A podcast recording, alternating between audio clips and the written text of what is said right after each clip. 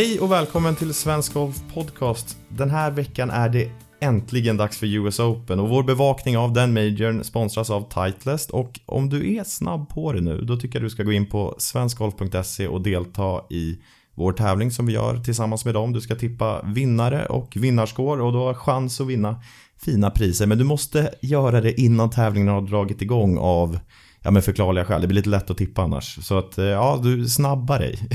Mitt namn är Jesper Johansson och med mig idag har jag Oskar Åsgård och Erik Fransén. Hur mår vi? Vi börjar med Erik. Ja men vi mår alldeles utmärkt. Det är US Open-vecka. Exakt. Oskar? Jag mår också bra tack. Det ska bli kul med ännu en majorvecka. Var ju majorvecka förra veckan redan med damerna i Anna Inspiration. Fortsätter vi. Ja, det vi inte fick fram till augusti, det tar vi igen nu kan man ju säga. Sannerligen. hur, hur, hur, hur, tycker ni det känns roligt, spännande eller lite konstigt att vi har US Open i september? Allt det där. Det, det, är lite konstigt att det är ett US Open nu. Men eh, det känns roligt och spännande att den kommer ändå i schemat. Efter FedEx Cup är avklarat så får vi det här nu. Så ja, det är bara att sätta sig framför TVn och ta in det. Mm. Helt klart. Tacka bocka.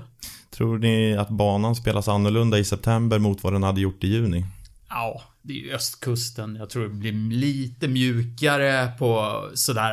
Äh, ja, det är ju USGA som sätter upp banan så jag tror inte vi kommer att så att säga få en eh, tvättsvampsbana som är jättemottaglig för allting. Men det ändå kommer att vara en skillnad mot om den hade gått i juni och det hade varit eh, 25 grader och inte så mycket nederbörd. Ja. Mm.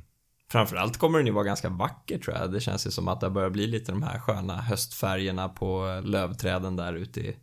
Vad heter det? Är det Mamaroneck eller Mamaroneck? Hur säger man det? Erik, jag tänker inte försöka Nej, okay. uttala det tror jag. Men vi, vi, vi säger, vi säger ja. Mamaroneck ja. och hoppas ja. att det är någonstans i närheten utanför New York. Eh, och, utanför New York säger vi. Ja, precis. det blir perfekt. Eh, men... Eh, Nej men så att vackert och eh, sen har man ju hört eh, rapporter om att det har eh, gödslats ordentligt eh, i ruffen. Eh, det kommer vi, vi kommer säkert prata rätt mycket om ruffen idag, eller hur? Det kommer tas upp en och annan gång gissar jag. Det, jag tänkte bara flika in där, det kanske är lite deppigt men när jag tänker på sån här vacker höstbana och proffsgolf då är det TPC Boston som kommer upp först liksom i huvudet. Jag vet inte. Lite deppigt är det kanske. Nu kan du få en ännu bättre här. Ja, exakt. Och, och fästa vackra höstminnen på det. Eh, Wingfoot är banan, sa vi det? Kanske. hur som helst så är det det. Eh, och det här är en bana som har varit värd för US Open flera gånger tidigare. Eh, nu har jag det inte rakt upp i huvudet hur många gånger, men... Det kan du få här alldeles strax. Eh, den har haft eh, tävlingen fem gånger tidigare. Eh, första gången var 1929. Åh oh, jäklar, det är och, länge sedan. Och eh, senast var 2006 och sen tre gånger däremellan. Mm. Jag tänker att vi, vi pratar om eh, framförallt två utav de upplagorna på banan eh, innan årets, eh, ja, innan det är dags på torsdag att det startar igång igen. Hur låter det? Låter det okej? Okay? Ja men det låter utmärkt. Jag måste säga bara för egen del att det känns som spelplatsen är ändå en grej som gör mig lite, lite triggad inför mm. årets US Open. Det var 14 år sedan nu senast som det spelades på Wingfoot men trots det finns det en hel del starka minnen från den tävlingen. Mycket av avslutningen där, vi kommer ju in till den senare. Men, eh, det, och nu har den gjorts om sen dess. Så det ska bli jättekul att se banan för den är ju speciell. Ja, jag har faktiskt inte så många minnen från 2006. Lite ung kanske. Lite, det var lite för sent för mig att vara uppe och titta, sitta och gnugga golf. hade inte kanalerna, många saker. Du kanske hade bättre saker för då? Ja, kanske. Ja, jag vet inte. Som 15-åring? Ja, så här i efterhand så undrar jag vad som kunde varit bättre. Men ja, man har andra prioriteringar som 15-åring. Men nu ska vi backa bandet ännu längre till 1974 och det, ja, speciellt eh, mästerskap får man säga. Kallas massakern på Wingfoot. Eh, har ni någon eh, koll på den här upplagan? Eh, det är skönt att det finns en tävling som jag kan säga att jag är för ung för att komma ihåg. Men jag var ju Men du var född. född då. Ja. Men man har ju tagit in den i efterhand och den har ju helt klart det här mytiska skimret runt sig som det finns en hel del i US Open-historien. Ehm, och, och, det är en av de tävlingarna som har gjort Wingfoot, byggt myten om Wingfoot helt klart. Som en av de här urtypen för en US Open-bana. Och vi pratar liksom, ja, svin, svintuff ruff och eh, brutalt snabba och eh, hårda griner. Helt klart. Mm. Jag tänkte att jag skulle berätta lite om den här upplagan, men för att liksom det finns i alla fall en teori, jag vet inte hur mycket vi ska väga in det här, men det finns en teori att den var så svår som den var 1974. För att 1973, när Johnny Miller vann på Oakmont, så gick han runt på 63 slag, vilket skulle ha varit totalt förnedrande för USGA som liksom, ja men nu ska vi sätta upp en riktigt tuff utmaning här för spelarna året därpå. jag vet inte, kanske, kanske var det anledningen till att det var så svårt som det var. För att precis som du pratar om så, eh, ruffen var det var första gången de hade den på 6 inches hela, hela vägen igenom. Ja, visst var det så? Ja, och 6 inches, då pratar vi alltså ungefär 15 centimeter. Men spelarna trodde ju inte på det. Johnny Miller sa ju det att det var minst 10 incher. Då är vi uppe i... Vad är det? 25 centimeter? 25,5 centimeter liksom. mm. Hitta en boll, först och främst, är tufft i 25 centimeter. Att få ut en boll därifrån, ännu svårare. Jag vet inte, hur smala är fairways på Wingfoot? Hur lätt är det att träffa fairways? Det beror ju lite på hur de sätter upp den. Eh, det är ju givetvis som alla de här banorna är det ju skillnad på medlems, hur de sätter upp det för medlemsspel och sen till ett US Open. För då smalnar jag av vissa landningsytor strategiskt sett. Så eh, den är ju inte, om man säger pin, pin smal från 10. Så är det. det, Du har ingen klaustrofobisk känsla på banan. Det finns träridåer som bråkar med dig på vissa hål och så. Men det är inte den banan där du ställer dig på 10 och känner att oj, oj, oj, vad smalt det här är. Så nej, det, det är väl lite jag menar, men har du den ruffen där då och sen för då kommer du till nästa steg. Det är ju, banans griner är inte lätta. De är upphöjda på många ställen. De är väldigt, väldigt fint vinklade av Tillinghast som har ritat banan och eh, du, har, du har bra bunkersättning också. Och allt det där bidrar ju till att ja, försöka liksom spela in någonting mot dem när du står med bollen i spaghetti. Det är inte lätt. Nej. Eh, apropå just greenerna som 1974, då skulle eh, Andy Bean, han skulle, på måndagen skulle han spela ett inspelsvarv där. Eh, gick ut, satte upp den mitt i fairway från 10, satte upp den mitt i green på, på hål 1. Eh, I 10 meter från flagg, puttar av green. Och istället för att spela klart hålet ska han ha plockat upp bollen och bara ha sagt Where the hell can I find a USGA official? han var bara förbannad direkt och liksom, nej det här går ju inte. Så att han, han vände på hål 1 på måndagen och ja, det säger väl lite om utmaningen som, som väntade därefter. Jag eh, läste en annan som bra, en annan spelare där som var med, Steve Melnick. Han startade på tian och så hade han med sig sex bollar och sen när han slog bort sin Eh, en, en boll i ruffen på 17 hålet konstaterade han att då hade han inga kvar. Så efter sju, sju och ett halvt hål var han tvungen att avbryta den träningsronden för att alla hans bollar hade försvunnit i ruffen. Och då hade han inte eh, Ja, då hade han inte slagit något autobahn så det är inget vatten eller någonting sånt. Men de hade bara försvunnit i liksom, ja, på vissa ställen knähög ruff. Ja, då, ja det, nu är det ingen publik den här upplagan heller som kan hjälpa dig att hitta bollar heller. Så det kan bli tufft i år. Nej, det gör ju det svårare också. För jag menar på, på US Open så har du ju oftast om du heter Phil Mickelson eller någonting och slår duktigt snett från 10 så kan du komma undan eh, ibland med att du hamnar på upptrampade vägar och de områdena, om man säger, utanför det ordinarie spelfältet mm. och utanför den ordinarie eh, ja, bestraffande ruffen. Och då, den fördelen har du ju inte riktigt här nu. Det är funktionärerna, vad de kan, deras fotspår ungefär. Och ja, de tror jag inte ens till och med Phil kan tajma in. nej, ja, nej. Um, Eh, under första ronden 1974 så var Jack Nicklaus precis som Andy Bean på green på hålet. Eh, det slutade med en fyrputt för honom då som var Ja men 1974, han var väl absolut bäst i världen skulle jag vilja säga då. Eller... Oh, ja, absolut, han hade ju vunnit ett eh, otal majors till, till, till den punkten och uh, många spelare satt ju i klubbhuset när han puttar av den här första greenen och, och känner lite så här, okej okay, men vad ska jag göra då om, om självaste Jack Nicklaus inte kan hålla bollen kvar på green med sin birdieputt på, på ettan att eh, okej, okay, nu nu har de skruvat upp svårighetsgraden här både en, två och tre steg. Ja, Johnny Millers fel. Eh, Gary Play var den enda som lyckades gå på par under torsdagen. Eh, och natten till fredagen, då vaknade banarbetarna av att det fanns hjulspår på just den här första greenen. Det är alltså någon som har kört över med greenen med en, ja, vad tror jag att det var, en nu ska jag säga en amerikansk bil från 70-talet. En Ford Impala, kan det vara kanske?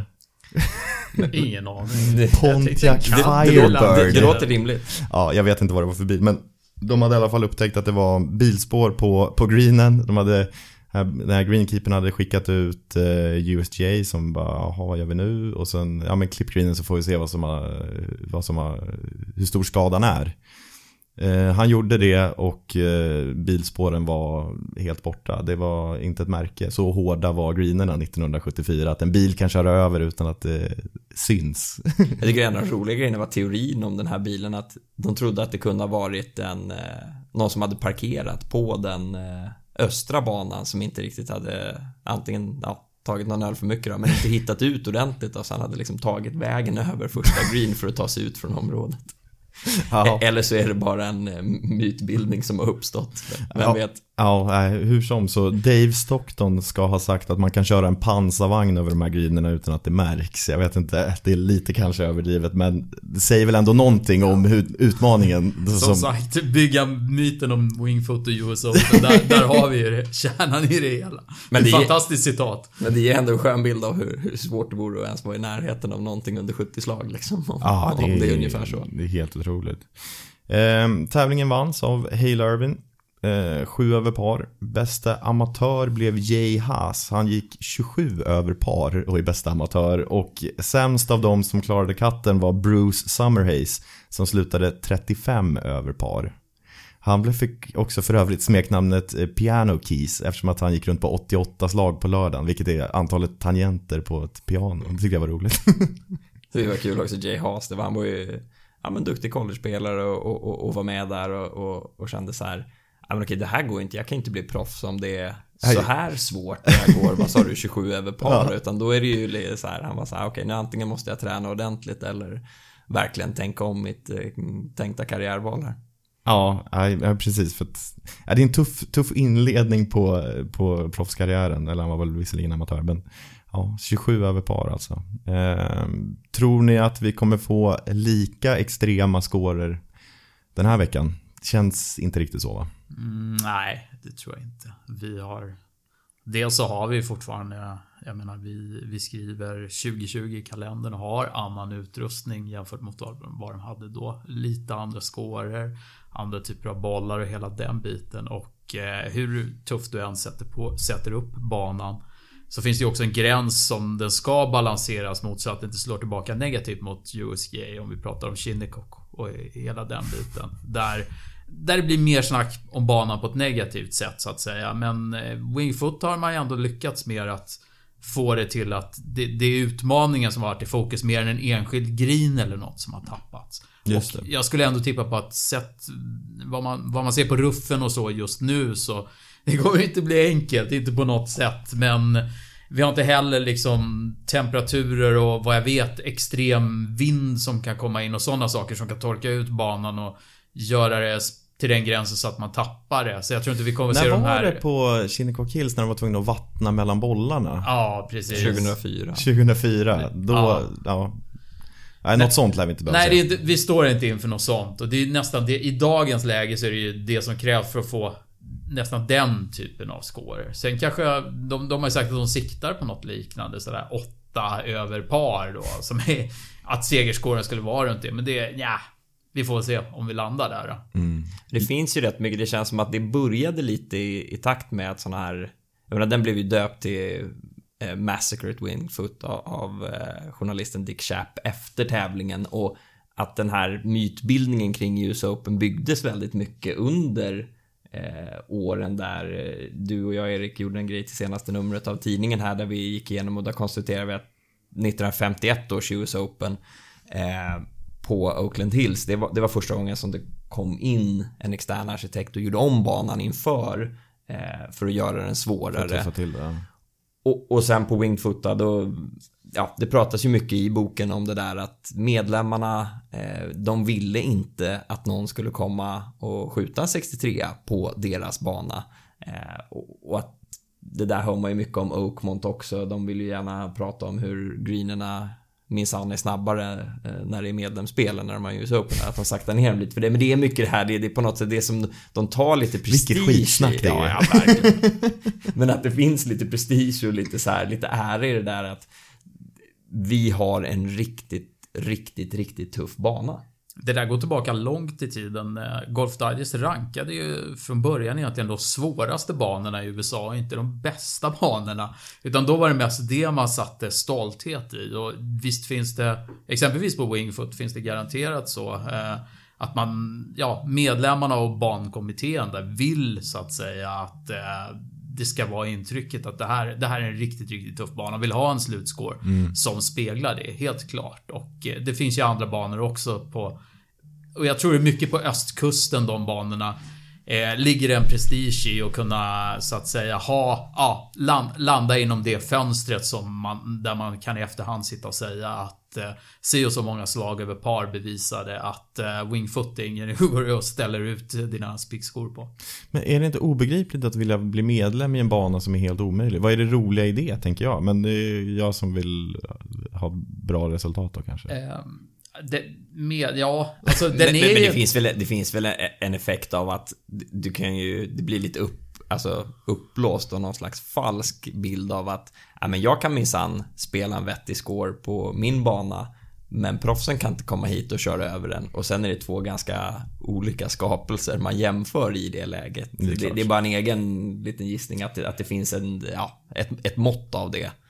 Precis så. Jag, jag tror det ligger mycket i det och Eh, det, det, är också en lite annan mentalitet fortfarande kring det där i USA. Det, många vanliga golfare där vill köra backtee för att så att säga ta sig an utmaningen på det sättet och så. Eh, vi har, vi har inte riktigt samma kultur här och i Storbritannien känns det som eh, Tack och lov kanske. Ja, men där vet de allt för väl att det är vädret som avgör och vad som är en bra score ena dagen behöver absolut inte vara det nästa. Det känns inte riktigt lika artificiellt tycker jag som, som i ett US Open där det på något sätt, alltså du, du har ju preppat och trimmat och förberett banan på ett sätt så att den ska vara brutalt svår. Mm. Um. Tycker ni att det är underhållande att den är brutalt svår, US Open, uppsättningen av en golfbana? Det har en viss charm i och med att det tävlingen får en så pass tydlig identitet. Eh, det är verkligen ett mästerskap som blir ett långt och utdraget och malande test. Och de åren när man har gått ifrån det så har det nästan känts som att, nej men vänta, det här är inte riktigt US Open.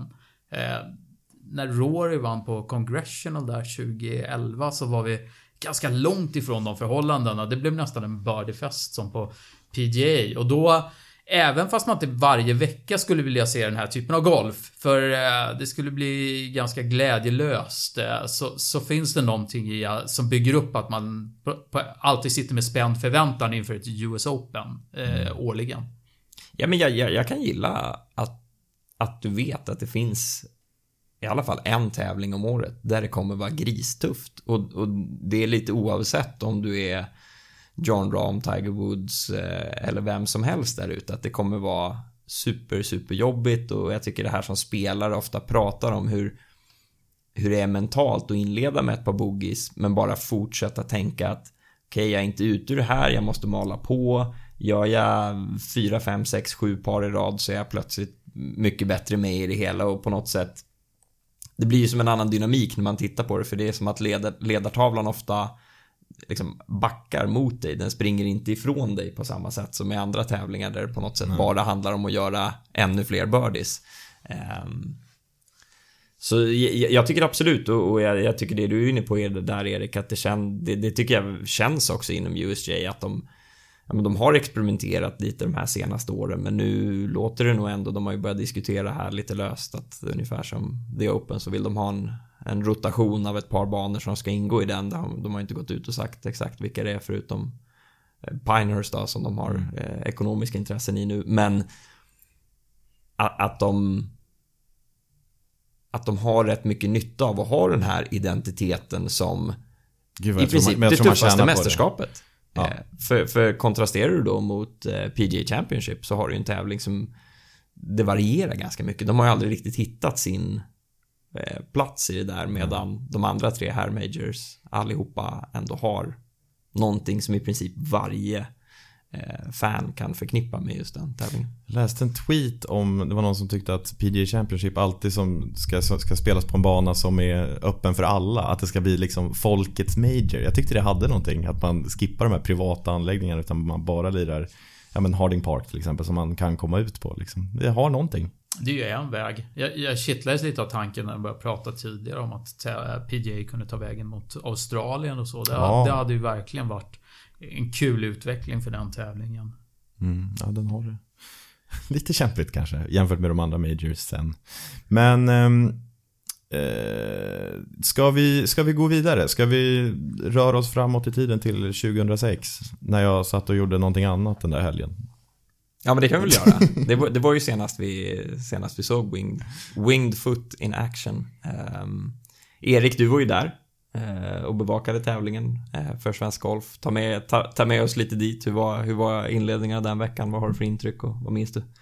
Ja, inledningen av veckan uh, var mycket gå runt där med inspelsvarv på svensk, med svenskarna och få, få en bild av eh, egentligen eh, hur banan var just då. Och eh, du märkte väl ganska omgående att det, här, det här kommer att ställa krav på, ja, egentligen test, blir bra test på alla delar av spelet.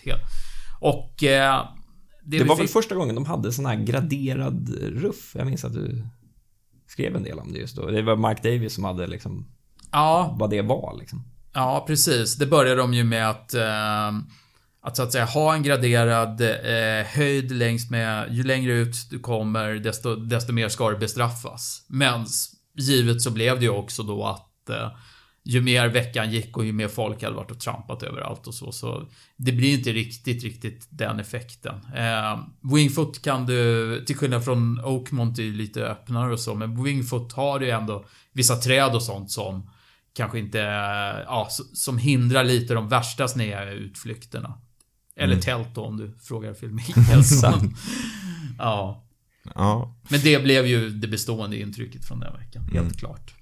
Alltså bara när man ser bilder och liksom lite flyovers av banan. Jag, jag, tycker att det ser trångt ut men du säger att det inte är, är alltså det är inte speciellt tight och det sticker inte ut på så sätt eller Erik? Nej, alltså det är ju inte en superbred bana, men det, det Nej, finns det ju bra förstås, mycket men... smalare skogsbanor här i Sverige, tycker jag, som är... Vassunda GK? Ja, har jag tyvärr inte spelat, så jag kan... Jag kan skriva under på det. Ja, ja. du ser. Nej, men det är väl, är det inte det här att, att det känns som vissa banor eh, ja, men nu har ju folk färskt i minnet när de såg Valderrama på TV här. Där, där får du ju den här klaustrofobiska känslan från 10. Jag upplever när man tittar på Wingfoot att det känns som det är, det är klart det är inte superbrett, men, men det är som att träden kanske lite mer ramar in än står i vägen, ja, så att säga. Och, och sen är den ju så pass lång att du har, det verkar inte som att du har så mycket alternativ eh, än att plocka fram driven ändå och, och se till att liksom trä in den i fairway eh, långt där borta, eller hur Erik? Det, det, är inte, det är inte så jättemycket spelalternativ på det viset. Men sen är ju också USGA väldigt bra på att sätta upp fairways, eh, om man säger begränsa landningsytorna på rätt ställen och, och även kanske vinkla dem lite grann i klippningen så att om du går på den punkten du måste vara väldigt exakt, annars rinner du över så att säga på mm. andra sidan. Du kan få, och det är en del om man säger doglegs av olika grad och så på wingfoot. Och eh, hamnar du fel i det gapet så en bra drive som kan så att säga rinna igenom där. Eh, det blir ändå lite mer krav på hur du vill jobba med bollen från 10 också. Och verkligen, verkligen ska hålla den i spel. Hur var det 2006? Vilken typ av golfare gynnades mest av uppsättningen av banan? Var det... Ja, vi gör så här, jag, tar, jag läser ledartavlan här inför eh, finalronden så ja. kan vi ta, ta tittarna, eller lyssnarna lite tillbaka till den här otroliga avslutningen. Det, det, här har man ju verkligen glömt bort, i alla fall jag. Eh, dela detta, det är Kenneth Ferry, en relativt okänd Europatourspelare som då delade första plats med Phil Mickelson inför sista ronden. De var två över par. Sen var Jeff Ogilvy eh, ensam trea, tre över par. Och sen hade du Colin Montgomery, Ian Poulter, VJ Singh, Steve Stricker, fem över par och eh, sex över par på delad åttondeplats. Jim Furyk, Paddy Harrington och Mike Weir. Fina namn alltså. Fina namn. Flera skulle jag säga i den där, eh, eh, i det gänget som eh, kanske kännetecknas ganska mycket av att vara relativt bra på att hitta fairways, inte överdrivet långt slående. Jag tänker på spelare som Monty, Furyk, eh, Mike Weir. Um, mm. Mm. Samtidigt, eh, Phil Mickelson, Jeff Ogilvy var ju två spelare som slog betydligt längre eh, på den tiden med, med, med de mått vi använde då. Mm. mm, mm, mm Okej. Okay. Ja, okej, okay, så vad ska vara... Ja, men sen har vi avslutningen och den är ju... Den var ju helt... Ja, men den var ju helt extrem. Eh, jag, jag, vet inte vad man kände riktigt där på plats, Erik, men... Utifrån sett var det ju på något sätt som att, okej, okay, är det äntligen Phil Mickelsons tur att eh, vinna sitt efterlängtade US Open? Allt handlade ju om det inför sista dagen. Och han har ju ett enormt publikstöd på eh, västkusten. Eh, östkusten, förlåt. Eh, otroligt stöd. Jag menar det är... Då bar ju fram han mer eller mindre och på den här tiden så det var ju långt ifrån att vi hade skåror uppdaterade i mobiltelefonen och egentligen kunde, det fanns små TV-monitorer på några ställen där du kunde så att säga se ledartavlan och hela den biten. Och, eh, så jag hade trängt ut mig till 18 hålets green där och står i något no hörn där eh, avrepat. Eh. Och eh, vi har egentligen ingen koll på vad som händer när han spelar det där hålet. Utan vi ser ju han komma upp mot grinen och där får han ju också lite stök liksom fram och tillbaka. Men han drar i den där sista putten och de på läktaren har ger han också ett genuint jubel. Alltså tank, Alltså känslan när du står där är att Phil Mickelson har tagit US Open. Mm. Eh, känslan när Phil Mickelson går av grinen och hans blick när han går framåt där är, in, är att det inte är så. Och eh, sen blir det ganska tydligt också när det leder ut eh, eh, Jeff Ogilvy eh, till, till priset inför prisutdelningen och det. det går, allt det där går egentligen ganska snabbt. För de, de kämpar lite mot ljuset och sådär också. Och, eh, men det, det, är en ganska stor förvirring där kring vad som egentligen hände. Och det sker ju väldigt snabbt också. Vi har ju även vad man lätt glömmer bort är att Colin Montgomery spelar bort sin chans att ta, ta Ja men det var ju det, man i efterhand, det var ju bara hur alla, och jag tänker så här när man satt och tittade på det på TV så var det ju just det här hur du, du hade så många där som i det där läget jagade sin första major-titel. Mm. Eh, Phil hade ju vunnit två, han hade vunnit Masters eh, två gånger innan eh, han spelade den här tävlingen då, men men just att det bara, det är väl en, ja, ungefär en timme innan jag tror han gick i femte sista boll så har ju Jim Furyk en putt på sista hålet eh, för att sluta fem över par. Han har ju sagt i efterhand att han trodde inte att den, han trodde att den putten handlade om att kanske ta honom antingen från andra till fjärde plats eller någonting sånt när han missar en dag och går till sex över par. Eh, men hade han bara klarat av att göra eh, göra par där så hade han varit fem över, vilket var vad Jeff Ogilvy slutar. Eh, Men Phil Mickelson inför sista hålet är fyra över par och leder med ett. Leder med ett. Och, och så slår han ju sin drive i, som Erik eh, hänvisade till nyss, han slår ju den rakt in i, i eh, tältet om det var, ja, någon slags eh, hospitality eller någonting. Men studsar ju av det tältet. Han får drygt 200 meter kvar men har ju några enorma, är det ekträd? Han ska slå över? Jag tänker inte leka aborist här. Nej, nej. Eh, stora, stora lövträd.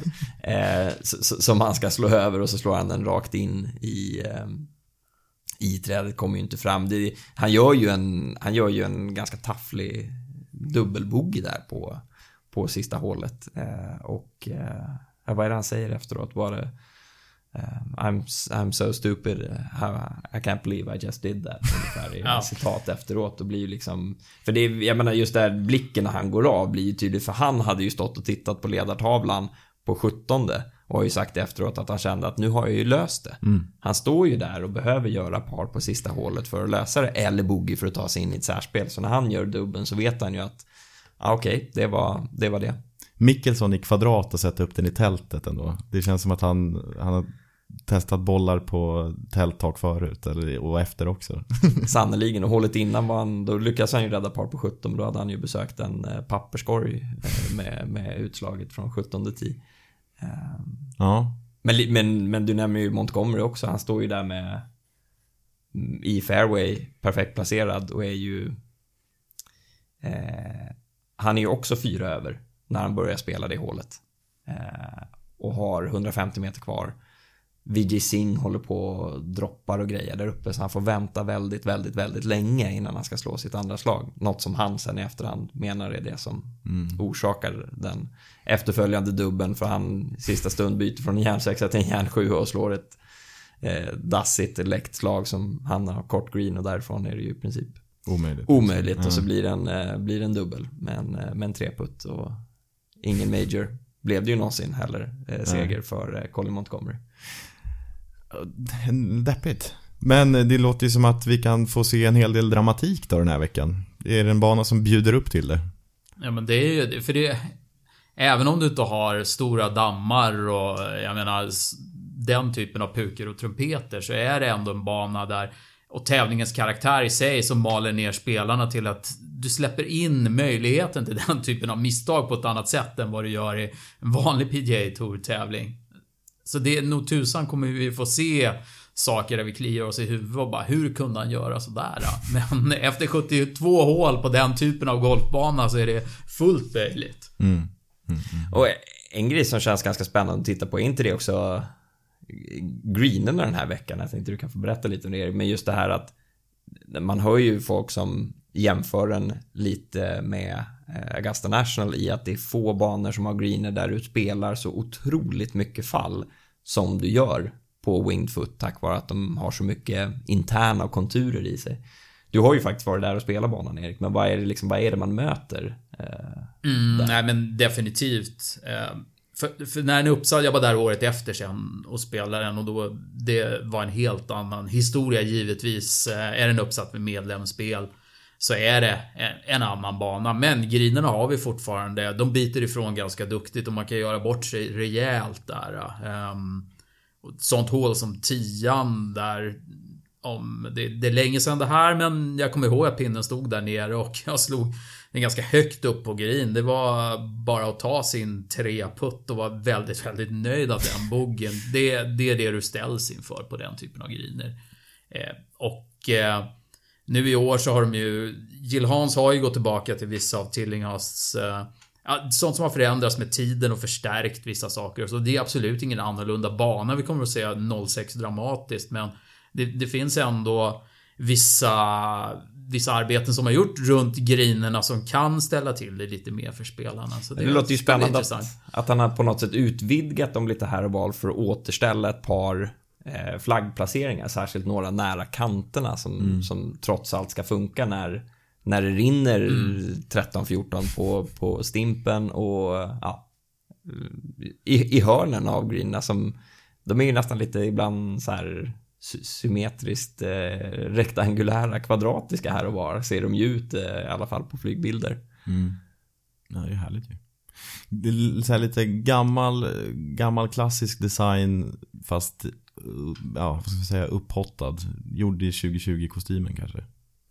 Ja, det, det, är väldigt snarare tillbaka till de ursprungliga värden som fanns. Ah, okay. Det är en väldigt klassisk amerikansk parkbana. Jag skulle säga att den bevisar ju också Tillinghas storhet som arkitekt. Mm. Om man nu ska vara sån. Eh, förlåt mig men nu, går vi, nu går vi loss här. Ja. Eh, men det, det, är lite, det är ett väldigt osexigt markområde. Det är knappt några höjdskillnader. Du har liksom lite träkorridorer som du går och matar däremellan. Men där har han skapat en fantastisk golfbana bara genom vinklar och schakta blygsamt med jordmassor till grinområdena. Det håller väldigt bra fortfarande, tidlöst och en typ av bana som vi inte riktigt har i Sverige kanske. Eh, sett till att den bygger så mycket på strategi, vinklar, grinområden rakt av. Eh, vi tar ju oftast in, vi ser till att få in några dammar och några andra, allt, allt så att säga för att krydda upp det på de flesta banor mm. vi har i landet.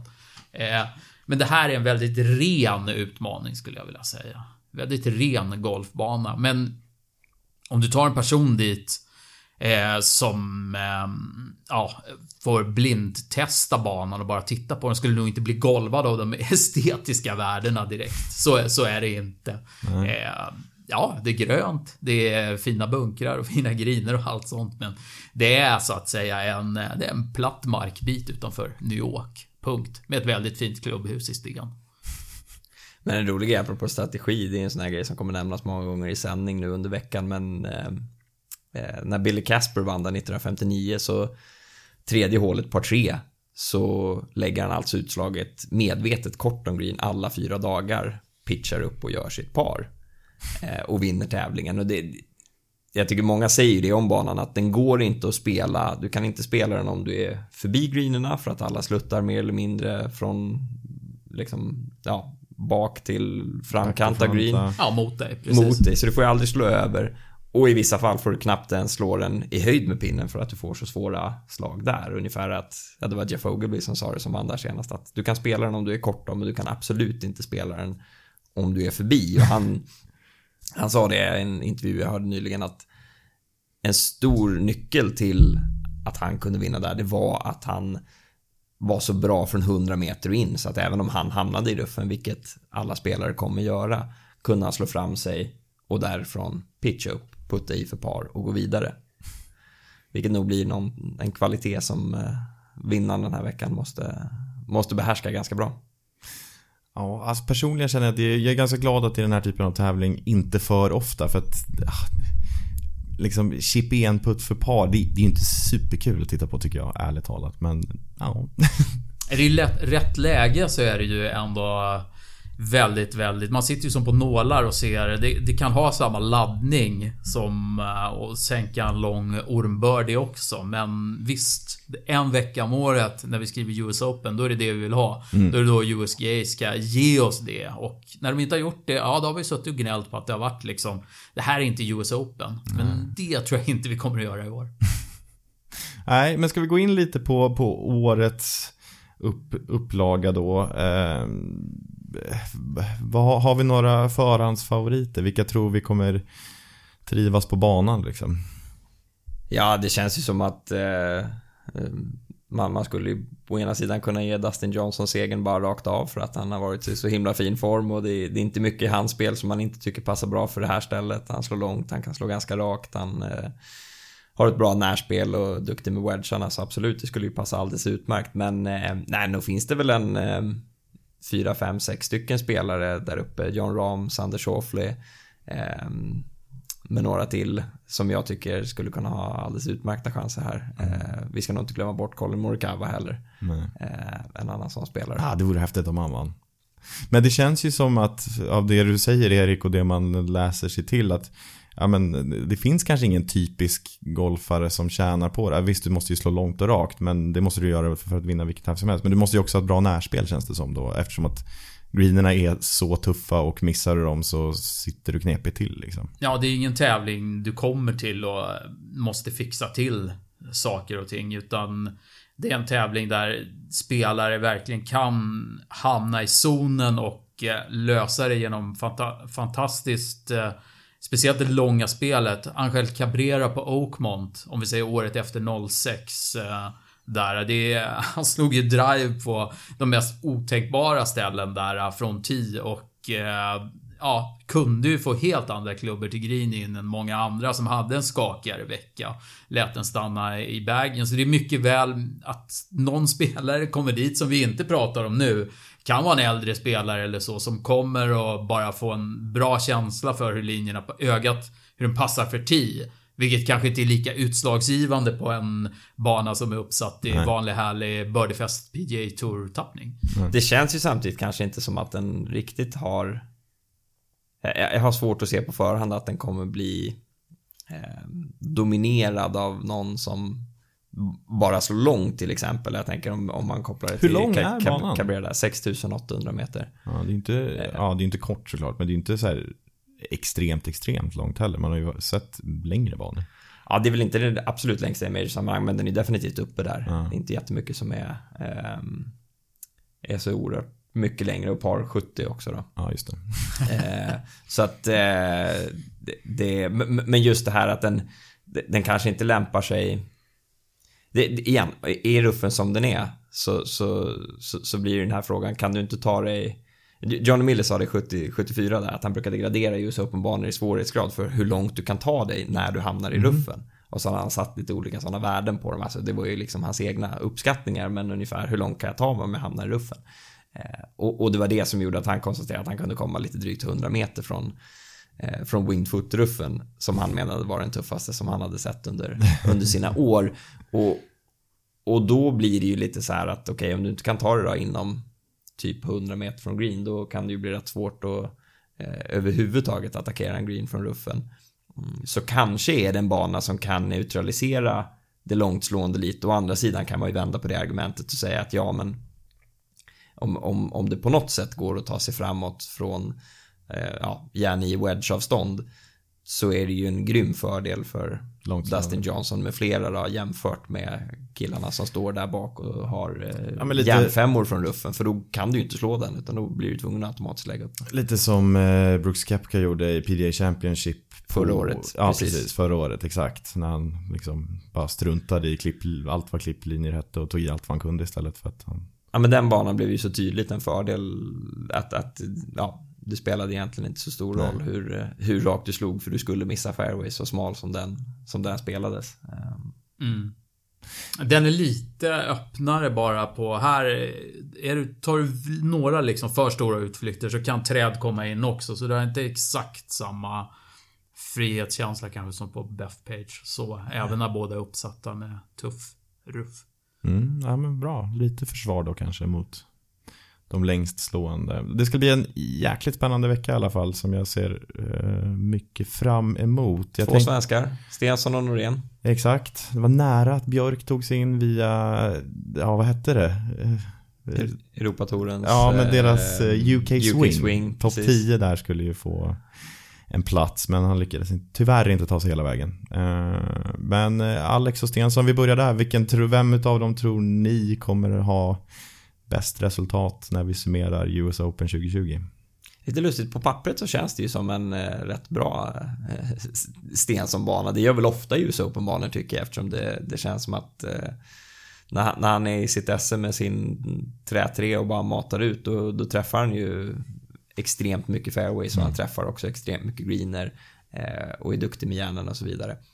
Med det sagt så känns det ju ändå som att eh, från, från min horisont som att Alex definitivt har varit den som har visat mest form på senaste. Han var ju var det väl efter två varv var han ju ändå upp på hög, eller efter första varvet där i PGA Championship var han ju upp på hög. Mm. Ehm, så att han...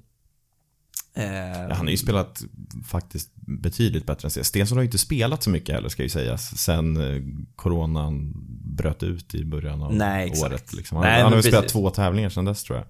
Så att, ja, det är inte... Det är, det är svårt att veta vart man har honom. En Alex som kommer dit med självförtroende och en pålitlig fade från 10 och sen det närspelet som ja. den mannen kan prestera. När, ja, det är, det är faktiskt eh, en tanke som är... Den, den skapar lite sköna känslor inombords. Men, ja, men ja, som Oskar säger, Stensson också borde vara den här typen av US Open-spelare så man har väntat US Open efter US Open på att han ska gå där och nöta liksom ner delar av fältet som den ballstriker han, han är ändå. Ja, men det finns väl ingen med mer tålamod än Stensson? Nej, det är ju alltid... Det har ju varit hans mantra i många tävlingar att uh, all, all, all, så att säga par är aldrig dåligt i en major. Det har, det har han upprepat och i US Open är det ju så i alla fall kan man lugnt sagt säga. Mm. Ja, men han slutade ju Kolla nu, han slutade 26 Det var hans första US Open eh, på Wingfoot för 14 år sedan. Eh, och, och, har ju ett relativt eh, bra facit i US Open med ett par topp 10 placeringar. Men aldrig varit sådär kanske riktigt. Han, han var ju delad fyra 2014 när Martin Keimer sprang iväg från fältet.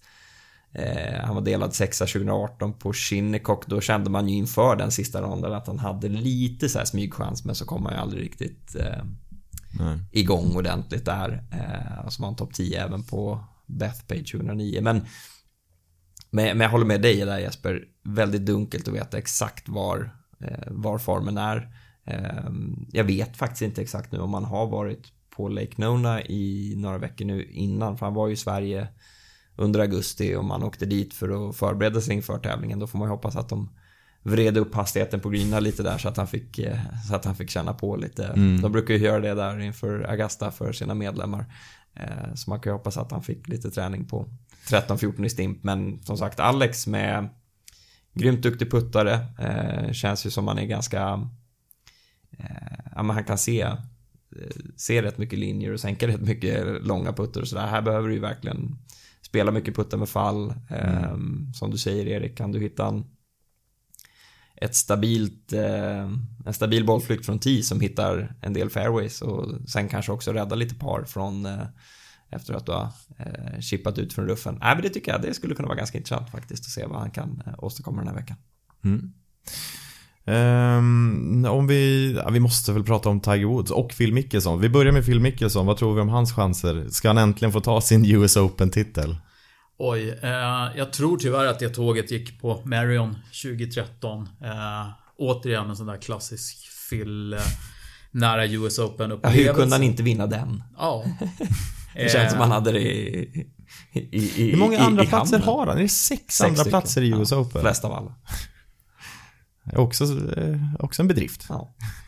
Men eh, ja, vad säger du Erik? Tåget har gått.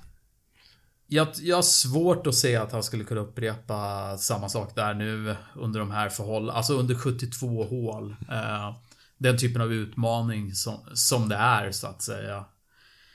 Ja, eh, med tanke på eh, också så har han varit ganska risig från 10 nu under de senaste veckorna. Han, eh, i, I helgen så spelade han Safeway Open på Silverado Resort som jag antar, eller som jag vet har betydligt bredare och är mer lätträffade fairways. Han träffade 12 av 56 den, under den tävlingen. Det är, det är lite fel.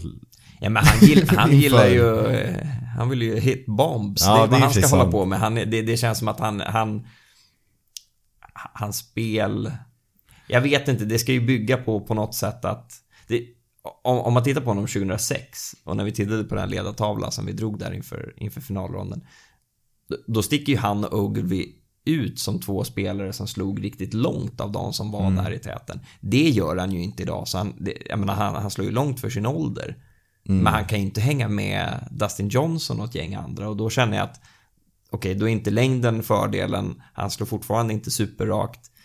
Han är ju en gudabenådad järnspelare och wedge-spelare och eh, stämmer puttningen så absolut, den biten om den liksom klickar. Visst, då kan han ju vara där och spela, men det, det är nästan som att i mitt huvud känns det som för att det ska funka för honom då, då måste det nog vara en sån vecka där ingen av de här toppspelarna plockar fram sitt Nej. bästa spel. För i det läget så tror inte jag att han har eh, skärpan helt enkelt. Han, han är inte så bra som de bästa i världen är just nu när de spelar sitt bästa. Nej, nej så är det väl. Han ehm, sa eh, efter, efter söndagsronden att han, han har haft problem i flera månader med en högermiss. Men den här veckan har han också fått en vänstermiss. Det var inte heller precis det man vill ha veckan innan US Open. Låter ju grymt lovande. Men alltså, men spelet är på rätt väg sa han också, så jag vet inte. Han är ju, alltså det är ju trots allt en sån spelare som Hittar han någonting Mm. eh, så, ja, vem vet vad det tar vägen någonstans. Men eh, jag skulle bli mycket, mycket överraskad om vi får se en upprepning av eh, 06 med honom i hetluften. Mm. Vi får helt enkelt hoppas att han hittade något på eh, privatjätten där från eh, Från väst till öst. västkusten till östkusten här då. Ja. Ja. Eh, Tiger är, oj, eh, det känns ju som vi kan börja gå ner på att eh, det kommer finnas ett par banor som han kommer att kunna vinna Majors på i, eh, under de närmaste åren. Och eh, jag undrar om Wingfoot är en av dem, speciellt när det spelas vid den här tiden på året. Mm. Handlar mycket om hur hans kropp är och så. Eh, Det är ingen, jag menar, vi vet vad han kan göra i US Open och så, men eh, det var ett tag sedan just den tävlingen så att säga, som han fick en chans att verkligen, verkligen prestera eh, i den tävlingen med rätt förutsättningar och så. Och eh, jag eh, ställer mig lite frågetecken här så att säga kring det här är möjligtvis ett steg i eh, hans, hans väg mot eh, Augusta i år istället. Ja. Jag känner mig orolig över hans puttning. Den såg så extremt dålig ut på Harding Park i PGA Championship och den var inte mycket bättre under Fedex-slutspelet heller. Eh, han- eh, slog ju några puttar där som man nästan blev helt förbluffad om det verkligen var Tiger Woods som höll i klubban för de var så extremt dåliga. Och, och det känns ju som en väldigt dålig eh, kombination då när man går in på eh, greener som kan vara ja, ihop med Augusta National kanske vid vissa av de svåraste som finns eh, ute på touren. Så att det, för mig är det ett riktigt stort frågetecken eh, för Tiger. Men eh, för den delen, räknar man ut honom? Nej, det gör man aldrig. Jag kommer sitta där på torsdag kväll och hoppas att han kommer lyckas lägga in rätt växel och kan hitta någon liten turbo och, och köra på där ett tag. Yes, jag, vill hitta, jag vill se det spelet som man såg ut att ha hittat i maj under den här välgörenhetstävlingen. För det var så otroligt fint spel då från Tiger. Kanske jag undrar för... bara hur mycket man så här, Nej, jag håller helt med dig, jag kände det också. Jag kände det när vi satt och, och pratade, var det inför PGA Championship. Ja. Med det sagt så känns det som att man kanske drog sedan. lite stora växlar av det spel han lyckades visa upp i en eh, välgörenhetsmatch med Phil Mickelson och, och ja, Tom, var... Tom, Brady och Peyton Manning. Men, jo, ja. men det var kallt och regn och han slog drivar bättre än någonsin. Det har man inte sett varken före eller efter med SN-ryggoperationen liksom. På, på en bana där han så att säga har linjerna nästan i bakfickan. Han behöver inte sikta där inte? Eller? Ja, eller han, no, han har ju ryggmär, ryggmärgen på det, och en annan form av trygghet kanske mot ja, det är klart. än vad det är här. Men visst, han har ju varit på wingfoot och nött nu och och så men, äh, ja, försiktigt skeptisk till vad vi får se från honom. Men jag håller givetvis med. Det är, det är alltid just, just att få, bara på torsdagen, en aning om att eh, det finns någonting. Han går in i tävlingen med att det finns någonting där eh, under veckan. Det, ja, det, det, det tackar man inte nej till. Nej men en dubbel på hål 1, par birdie och plus ett och så gnuggar han vidare därifrån. Liksom. Nå någonting sånt. Eh, apropå hans rygg och om den ska hålla så kollar jag temperaturerna nu här i New York. Det är väl inte precis där men det är 19 grader, 18 grader, ja runt där. Så att det bör ju inte vara ett problem egentligen. Det låter bra. Jag vet inte om det finns någon slags risk för morgontemperaturer eller något liknande. Ah, om, om nej, det, nej, det, nej, det, ska vara 15-16 på nätterna enligt SMHI. Så man, det är ju inte... Det låter ju utmärkt. Det är ju där man ska vara helt enkelt. SM, SMHI när man kollar hur det är med Maroneck New York. ja, exakt. Ja. Så ta det med en liten nypa salt. Nej men det låter ju som en, tre, som en trevlig höst ändå. Ja, skön hög luft utanför New York. Ehm, ja men vad bra. Och jag tänker att vi bara avslutar med att vi gissar ja, det som jag är så otroligt dålig på. Vi ska gissa en vinnare tänker jag. Ehm, vem... Var du än? Du kan få börja. Ska jag börja? Mm. Efter den här diskussionen så fick jag fick lite feeling för eh, Justin Thomas. Det är ju tråkigt att säga honom för att han är en så pass, det är ju ingen outsider kan man ju inte säga. Han är ju väl en av de favoriter som har en möjlighet att vinna. Men Ja, alltså han har ju spelat bra länge. Han har ju ändå vunnit tre tävlingar ja, föregående säsong då. Men han vann i somras. Eh, han har spelat bra, han kom tvåa i FedEx Cup. Får han, får han igång puttningen, för han träffar... Ja, driven måste kanske redas ut lite också. Nu ångrar jag mig lite. Det är skönt att du pratar dig ur ditt e eget val här under tiden. Ja, ja lyssna inte på mig. Nej. Uh, men jag säger ändå Justin Thomas så får vi se hur långt det räcker. Mm. Jag kontrar med John Rahm. Ah. Också väldigt så här, eh, inte alls en, jag plockar inte från lågt ner i oddslistan här inte, men eh, nej men eh, jag gillar på något sätt att det känns som att hans spel inte har så särskilt mycket svagheter. Mm. Han kan slå den långt, han kan slå den ganska rakt från tee. Eh, han, han slå... har ju fått ordning på temperamentet. ja, det där, jag tycker det är så roligt snacket om det där. Är så lite så här, det är väl jättebra att han har lite temperament. Ja, exakt. Och har han fått ordning på, jag vet inte, han är väl fortfarande hetlevrad. Nej, det är nog jättebra tror jag. Men, eh, nej men just att han, det känns inte för mig som att han har några uppenbara svagheter och är det någonting han är särskilt bra på så är närspelet gudabenådat. Eh, och mm. det tror jag kommer bli väldigt, väldigt viktigt den här veckan. Så att eh, han känns som en mycket stark kandidat i min bok. Mm. Erik, har du något namn? Rakt Oj, upp och ner. Eh, Daniel Berger då? Ja, ja absolut. Absolut. Eh, finns ingenting som pekar på att han just skulle lyckas på wingfoot. Men vi säger att han... Han har haft en... Eh, Hög lägstanivå är väl bra att ha på wingfoot ändå? Ja. Eh, han har haft en bra, han har haft en bra känsla ändå på, i den här säsongen. Helt klart lyckats komma ur en jäkla, jäkla gruva som han har varit nere mm. i. Nej, och, absolut. Eh, skön snubbe. Jag tycker vi kör på honom. Han, han kommer att vinna. Men inte på åtta över par. och, och, om, och om han vinner han kommer fortfarande inte komma in i mastersfältet, eller hur? Nej. Den stora snackisen den här att han är rankad 13 i världen men inte, inte har en plats i mastersfältet. Nej, men han får vara med nästa år. Ja. Det är inte så långt dit. Han bryr sig nog inte så mycket om han vinner US Open. Nej, det är nog okej. Okay. Han kan ta det. Eller? Det hade ju ändå varit... Det hade ju varit Nej, men jag tror, då, då, då, tror jag han tweetar ut en bild när han sitter där på, på sin, sin, fiskebåt. På, på sin båt ja. med, med, han sitter med, med pokalen. Ja. Med världens största hink margarita framför sig. Som han dricker ur US Open-pokalen. Ja, med, med böjda handleder. Ja. Den lämpar sig faktiskt ganska bra eh, för att dricka ur. Känns som du får i lite i den. Ja, det blir stora mängder. Men det är väl eh, välförtjänt efter en US Open-seger. Eh, Gary Woodland, regerande mästare, eh, vet ej hur mycket han har druckit ur pokalen. Men vad tror vi om hans chanser? Han, det känns som att han var kall, varit kall sedan dess i princip. Han visade lite form här i våras, här och var. Eh, hade ju lite driver-problematik. Eh, men eh, ja, känns väl, känns väl i och för sig som en ganska vettig US Open-spelare men som mm. du säger, han har nog visat lite för lite. Så att, nej, jag tror inte så mycket på Gary Woodlands titelförsvar. Mm. Absurt det känns att han är titelförsvarare. Det var, det var så länge sedan ja, han vann. Men ja, jo absolut. Är också en, får man säga det, men det är lite tråkig eh, US Open-vinnare också. För lite personlighet på Gary Woodland.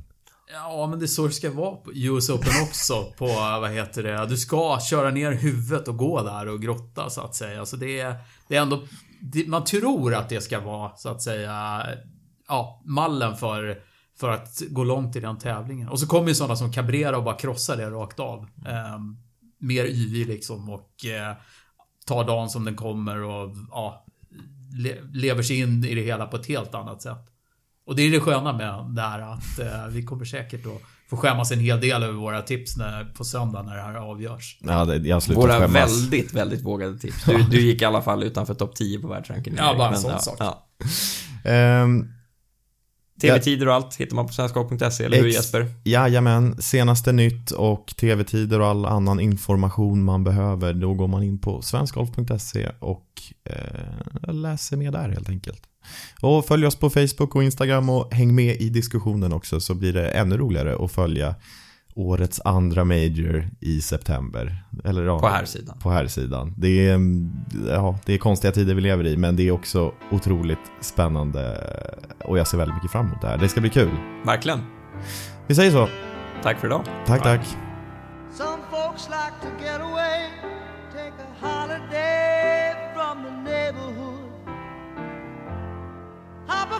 To Miami Beach or to Hollywood. When I'm taking a Greyhound on the Hudson River line. I'm in a New York state of mind.